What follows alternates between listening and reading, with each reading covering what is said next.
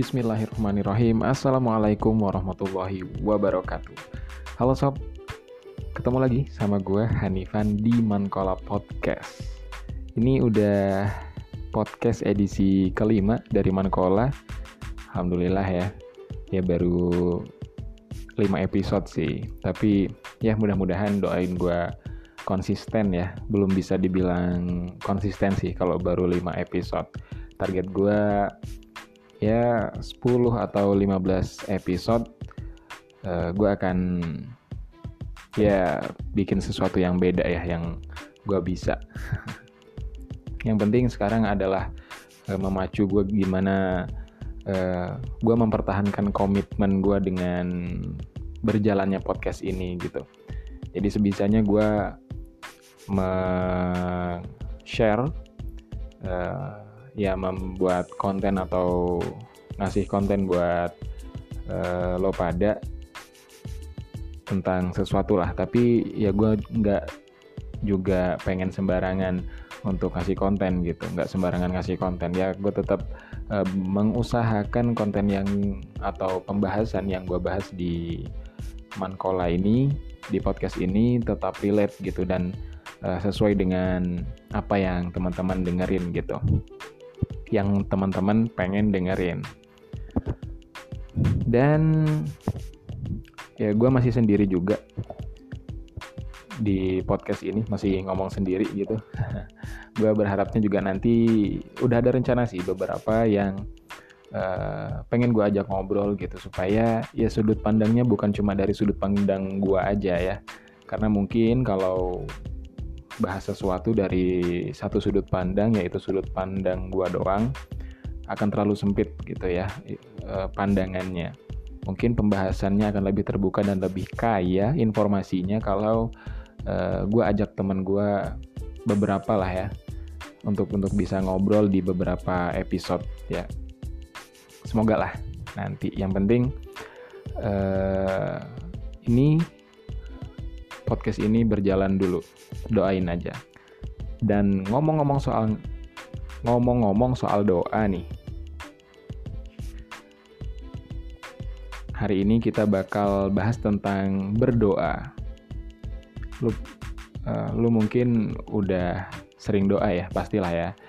Uh, udah sering banget lah berdoa atau setiap hari dan selalulah berdoa. Apalagi habis sholat ya. Sholat wajib atau sholat sunnah. Atau mungkin ada dari lu yang punya waktu-waktu tertentu atau saat-saat tertentu yang memang khusus di mana uh, ya mungkin bisa dibilang seperti ritual gitulah untuk uh, berdoa. Ketika memulai sesuatu, ketika mau ngapain, lu pasti mengawalinya dengan doa. So itu bagus sih sebenarnya ini bukan untuk mengajarin ya bukan untuk ngajarin lo supaya uh, rajin berdoa atau supaya doanya terkabul atau gimana ya ya sama sih. Gue juga uh, yang namanya berdoa juga berusaha gitu sedang berusaha juga. Tapi ya sharing-sharing aja lah biar uh, mungkin dalam perjalanan kita di hidup ini yang dipenuhi dengan doa ini kita bisa uh, konsisten berdoanya dan uh, sama-sama punya tujuan yang sama ketika berdoa gitu. Dan pernah nggak sih lo mengalamin atau berpikir berdoa tentang sesuatu tapi belum juga dikabulin gitu? Atau selama ini lo menginginkan sesuatu, punya impian, lo barengin dengan doa, amalan lo ibadah lu udah nggak tahu lagi deh udah banyak banget gitu lah bilang aja gitu. Tapi sampai saat ini juga belum dapat jawaban dari semua doa-doa lu dan juga usaha lu dan ibadah-ibadah serta amalan-amalan yang lu udah kerjain. Padahal kan janjinya Allah Subhanahu wa taala pasti mengabulkan doa dari hambanya ya apa pun itu. Oke, ini sebenarnya uh, beberapa hal di poin tersebut udah gue pernah gue jelasin di episode pertamanya Mankola ini ya di saat bersua dengan kecewa atau berjumpa dengan kecewa. Ya kecewa salah satunya penyebabnya adalah e, ketika doa kita nggak kunjung juga dikabulin. Apakah itu salah Allah Subhanahu Wa Taala yang sudah berjanji mau mengabulkan tapi ternyata nggak dikabul-kabulkan juga. Nah mungkin dari sini lu bisa uh, dapat pemahaman atau dapat uh, pencerahan gitu ya. Kita pasti punya sih momen atau eh, saat-saat di mana apa yang kita doakan atau apa yang jadi doa kita selama ini ternyata dikasihnya bukan itu. Dan beberapa orang yang gue uh, tahu yang mungkin dia pernah cerita dan juga pernah gue baca gitu perjalanan hidupnya uh, ya memang seperti itulah hidup. Udah berdoanya udah mati-matian udah udah sungguh-sungguh udah nggak pernah lewat semua rukun doa semua tata cara berdoa dan semua doa mungkin udah dia sampaikan. Tapi yang dia doakan semati-matian itu sesungguh-sungguh itu ternyata dikasihnya lain daripada yang itu which is pasti itu lebih baik daripada apa yang dia minta. Kembali lagi, kita adalah sebagai manusia yang punya keterbatasan. Kita hanya berpikir sesuai kapasitas logika kita yang itu terbatas. Kita bisa mengangan-angankan dan memprediksi apa yang terjadi dengan rencana kita di masa depan, tapi uh, kita nggak pernah tahu sebenarnya apa yang terjadi karena ada kuasa lain, ada kekuatan lain yang bisa saja mengubah atau merubah jalan hidup kita atau jalan keinginan kita yang awalnya kita prediksi itu. Kan udah pernah gue bilang juga di episode 1 terutama asa antakrohu syai'an wa huwa khairun lakum wa asa an tuhibbu syai'an wa huwa syarrul lakum Allahu ya'lamu wa antum la ta'lamun. Ya. Kita menginginkan sesuatu, suka sama sesuatu padahal buat Allah itu buruk buat kita dan kita membenci sesuatu nggak suka sama sesuatu padahal sesuatu itu apa pun itu ya itu baik buat kita dan nggak cuma sampai situ Allah menegaskan bahwa wallahu ya'lamu wa antum la ta'lamun Allah sampai men menegaskan lah bahwa Allah lah yang maha mengetahui dan kamu tidak mengetahui. Jadi mungkin selama ini keinginan-keinginan kita, doa-doa kita yang barangkali belum tercapai, belum diwujudkan atau belum dikasih sama Allah, memang kita harus introspeksi gitu ya atau di kita sebenarnya sedang dijaga oleh Allah Subhanahu wa taala dari sebuah keburukan yang dari sesuatu yang kita inginkan gitu. Kita kan nggak tahu, kita hanya berpikir sebatas kemampuan berpikir kita aja. Padahal di balik itu ada keburukan yang mungkin aja menimpa kita dengan apa yang kita inginkan itu. Dan dari doa-doa kita, Allah sedang menjaga kita dari keburukan itu. Dan pasti Allah nggak tinggal diam sih. Ketika apa yang kita inginkan itu mungkin saja banyak lebih banyak mudorotnya buat kita Allah pasti memberi atau ngasih sesuatu ya sesuatu ganti yang lebih baik dan juga e, lebih bermanfaat buat kita. Gitu sob. Terus gimana nih? Intinya aja deh caranya berdoa biar doa gue terkabul gimana? Biasanya orang-orang kita gitu ya intinya aja deh gitu. Pengennya inti-intinya doang. Padahal ya sebelum uh, masuk ke inti kan harus ada kulitnya dulu ya.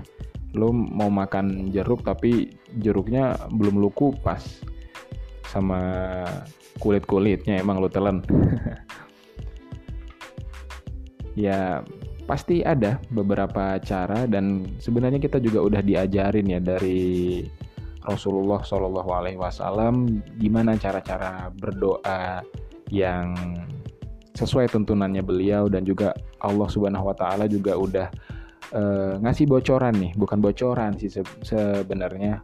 Lebih tepatnya ya contekan lah atau uh, ya cara betul-betul cara yang dikasih tahu Allah Subhanahu wa taala dari Al-Qur'an buat kita gimana sih harusnya kita berdoa gitu. Mungkin teman-teman yang punya hajat, yang punya keinginan sesuatu apa pun itu ya.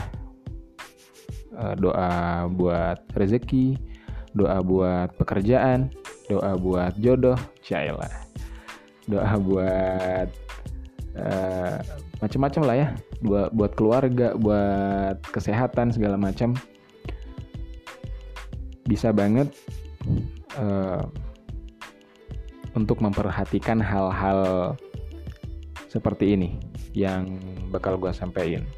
Ini sebenarnya uh, mengingatkan kembali ya atau mereview aja gitu sebenarnya semua orang punya cara doa yang berbeda-beda dan uh, yang penting berdoa sih menurut gue itu udah benar sih.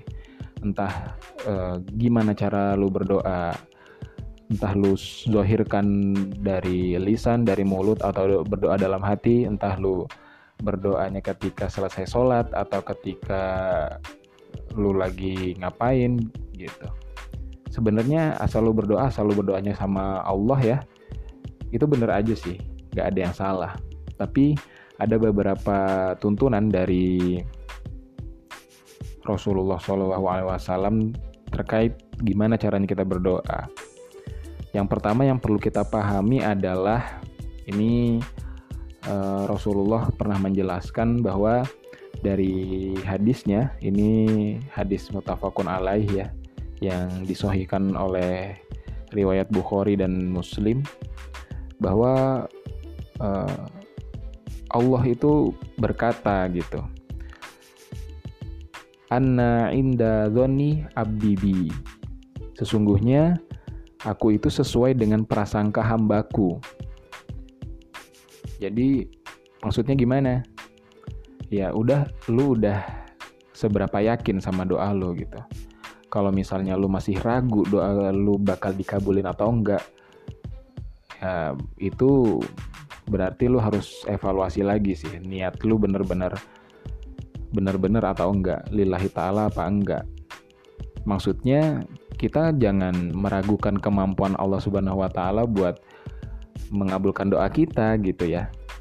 Karena ya doa apa pun sebenarnya mudah buat Allah mengabulkan buat kita. Tapi kadang kita lagi-lagi menggunakan pikiran kita yang terbatas untuk um, menganalogikan dan melogikakan doa kita gitu. Waduh nih kayaknya nggak mungkin banget nih. Aduh ini mustahil nih. Itu kadang dari setan juga bisa si perasaan-perasaan kayak gitu. Padahal apa sih yang nggak mudah buat Allah? Apa sih yang susah untuk mengabulkan doa? Yang pertama harus kita tahu adalah bahwa apa pun yang datangnya dari Allah itu baik, apa pun yang ditakdirkan oleh Allah itu baik. Kita jangan selalu melihat dengan dari kacamata manusia yang lain ya. Lihat dari kacamata kita sendiri dan lihat dari kacamata kebaikan yang Allah kasih gitu. Pasti baik. Nah, untuk doanya sendiri gimana sih cara supaya nggak supaya doa itu diterima supaya dikabulin? Pasti gitu kan? Siapa sih yang nggak pengen doanya dikabulin? Banyak yang sebenarnya bisa diperhatiin dan ini udah disampaikan sama Rasulullah SAW jadi nggak ada salahnya atau memang eh, bahkan baik buat kita untuk eh, dipraktekkan atau diamalkan ketika kita berdoa. Nah, udah belum nih kita memanfaatkan waktu-waktu kita saat berdoa atau keadaan kondisi kita saat berdoa. Contohnya, hadis dari riwayatnya Ibnu Ibnu Majah ya, bahwa ada tiga golongan orang yang tidak ditolak, yang nggak ditolak doanya. Yang pertama adalah asaumu hatta yuftir. Orang yang berpuasa sampai dia berbuka. Nah, ini buat teman-teman yang atau lo yang udah punya amalan atau udah dari dulu udah sering mengamalkan puasa sunnah ya puasa Senin Kamis apalagi puasa Ramadan gitu jangan sampai lu puasa cuma puasa doang gitu ya puasa Senin Kamis lu taunya puasa aja usahakan um, lu mengisi ibadah puasa lo itu kebiasaan lo yang udah baik itu dengan sambil berdoa lumayan kan misalnya lu berdoa habis sholat aja lu punya sholat subuh, sholat duha, sholat zuhur, sholat asar, dan juga maghrib ketika lu buka puasa. Ada lima waktu lu bisa berdoa. Selesai sholat itu lu berdoa, dah sungguh-sungguh. Hadirkan uh, diri kita pada doa itu gitu. Minta betul-betul sama Allah. Sembari kita berpuasa, dalam kondisi kita berpuasa, insya Allah apa yang Rasulullah Shallallahu Alaihi Wasallam udah sampaikan bisa kita buktikan gitu. Doa kita akan terkabul atau enggak? Pasti insya Allah terkabul sih. Yang kedua, al-imamu al-adil. Al-imamul adil. Imam atau bukan imam sholat ya. Pemimpin yang adil. Nah ini juga nih buat para pemimpin apalagi kemarin beberapa hari kemarin ya pada udah pejabat-pejabat daerah nih kepala-kepala daerah banyak yang dilantik nih nah gue saranin sih banyak-banyak berdoa ya ya mudah-mudahan aja jadi pemimpin yang adil dan pem, dan beliau dikabulin doanya. Ya doa gue yakin beliau-beliau pasti berdoa sih. Tapi gue yakin banget ada satu doa yang gak pernah kelewat. Doa supaya periode selanjutnya kepilih lagi. Dan yang ketiga adalah al-mazlum orang yang terzolimi nah ini cocok nih buat lo yang misalnya ditanyain sama orang sama teman atau sama tetangga kapan lulus kuliah, kapan kerja, kapan nikah. Ya.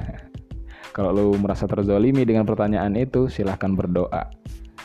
Tapi mungkin aja ya, malaikat jadi bilang, sebenarnya lo nggak terzolimi sih, lo doang yang baperan. ya tapi apa salahnya berdoa lah ya. Ya definisi, definisi terzolimi itu ya silahkan lo tafsirkan masing-masing. Tapi ya yang pasti ketika kita di dianiaya gitu atau tersakiti hatinya itu insya Allah terkabulkan tapi jangan berarti lu minta disakiti terus hati lu sengaja ya enggak juga ya ketika lu merasa uh, terzolimi lah atau terhianati atau sedang uh, dirundung bully-bully gitu ya. Zaman sekarang kan banyak banget tuh bully-bully sama netizen itu. Jadi ya berdoa aja yang banyak. Dan uh, waktu-waktu tadi ya yang gue udah sampaikan yang bisa lu perhatikan adalah waktu-waktu lu berdoa. Timingnya nih timingnya yang tepat. Memang gak ada yang melarang sih lu berdoa kapan aja dan waktu kapan aja Eh, nggak uh, menutupi kemungkinan doa lu bakal terkabul gitu ya. Lu lagi santai-santai lu berdoa ya Allah pengen punya rumah pribadi gitu ya Allah pengen rezeki lancar ketika lu di kendaraan di motor atau lagi nyetir gitu. Ya Allah mudah-mudahan gua uh, dapat jodoh gitu di tengah jalan. Ketika di lampu merah ada yang ngajak kenalan gitu. Ya barangkali ya siapa yang tahu gitu ya. Tapi ada waktu-waktu yang memang mustajab yang udah yang pernah disampaikan oleh Rasulullah Shallallahu Alaihi Wasallam lewat hadis-hadisnya e, dari riwayatnya Tirmizi adalah doa di antara azan dan ikomah itu e, waktu yang waktu berdoa yang di mana doa itu nggak akan tertolak katanya. Katanya Rasulullah ya ini berarti uh, pasti bener lah. Ya silahkan dimanfaatkan antara azan dan iqomah uh, setelah biasanya kan sholat qobliyah ya sebelum atau setelah sholat qobliyah lu bisa berdoa. Apa pun. Manfaatkan waktu itu untuk berdoa insya Allah terkabul. Terus dari hadisnya riwayat muslim uh, bahwa seorang hamba berada paling dekat dengan Tuhannya ialah ketika sedang bersujud. Jadi maka perbanyaklah berdoa ketika sujud gitu. Nah, ini juga bisa lo amalkan ketika sujud dalam sholat. Dalam sholat ya, dalam sholat ataupun uh, sujud syukur juga bisa lu perbanyak berdoa karena dari hadis yang diriwayatkan oleh riwayat hadis riwayat Muslim bahwa kondisi atau posisi hamba yang paling dekat dengan robnya adalah ketika bersujud. Kan udah deket tuh ya. Eman kalau udah deket lu nggak minta apa-apa gitu. Jangan sampai lu sujud cuma subhana rabbiyal a'la wa bihamdi tanpa lu tahu artinya tanpa lu menyisipkan keinginan-keinginan lu di dalamnya itu sayang banget sih. Apalagi selama ini lu lakukan itu tapi ya lu lewatkan begitu aja ya sebenarnya nggak salah cuman ya eman aja udah dikasih tahu petunjuknya loh sama Rasulullah ya bahwa saat itu tuh kalau mau berdoa memperbanyak doa ketika sujud gitu dan dari hadis riwayat Al Hakim ada dua waktu di mana doa itu nggak tertolak yaitu ketika azan berkumandang dan ketika hujan turun. Nah, ketika hujan nih ya biasanya hujan kita dipakai buat ya mungkin ada ya beberapa yang dibuat eh, orang-orang yang membuat quotes-quotes bijak gitu. gue juga sering sih bikin quotes bijak ketika hujan. Hujan meninggalkan kenangan, ya, hujan meninggalkan genangan, hujan terus jemuran gak kering-kering gitu. ya, ya lu sambilin dengan doa lah sob ya. Allahumma soiban nafian. Allah uh, minta sama Allah agar hujan ini mendatangkan manfaat gitu. Bukan cuma hujannya airnya yang mendatangkan manfaat tapi ketika hujan turun doa ketika kita berdoa doa kita diijabah sama Allah Subhanahu wa taala. Dan ketika azan berkumandang juga ya biasanya kita kebiasaannya ya menjawab ya azan ketika ada azan dijawab gitu ya bisa disisipkan sama doa. Jadi ya berdoa tuh nggak melulu angkat tangan lah sob ya. Ketika lu terbersit tersirat di hati lu wah ya Allah pengen bla bla bla bla bla bla gitu.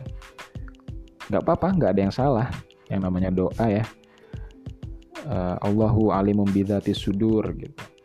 Allah itu adalah maha mengetahui hati suara hati yang paling dalam. Jadi meskipun lu cuma tersirat di pikiran lu atau tersirat di hati lu, ingin sesuatu sampaikan kepada Allah Subhanahu wa taala. Selama itu baik, selama itu uh, mohonnya dan bergantungnya cuma sama Allah Subhanahu wa taala, insya Allah doa kita bakal terkabul sob. Yakin aja. Sesuai prasang Allah bakal sesuai dengan prasangka hambanya. Mungkin segini aja dulu ya. Ini udah lama juga ya.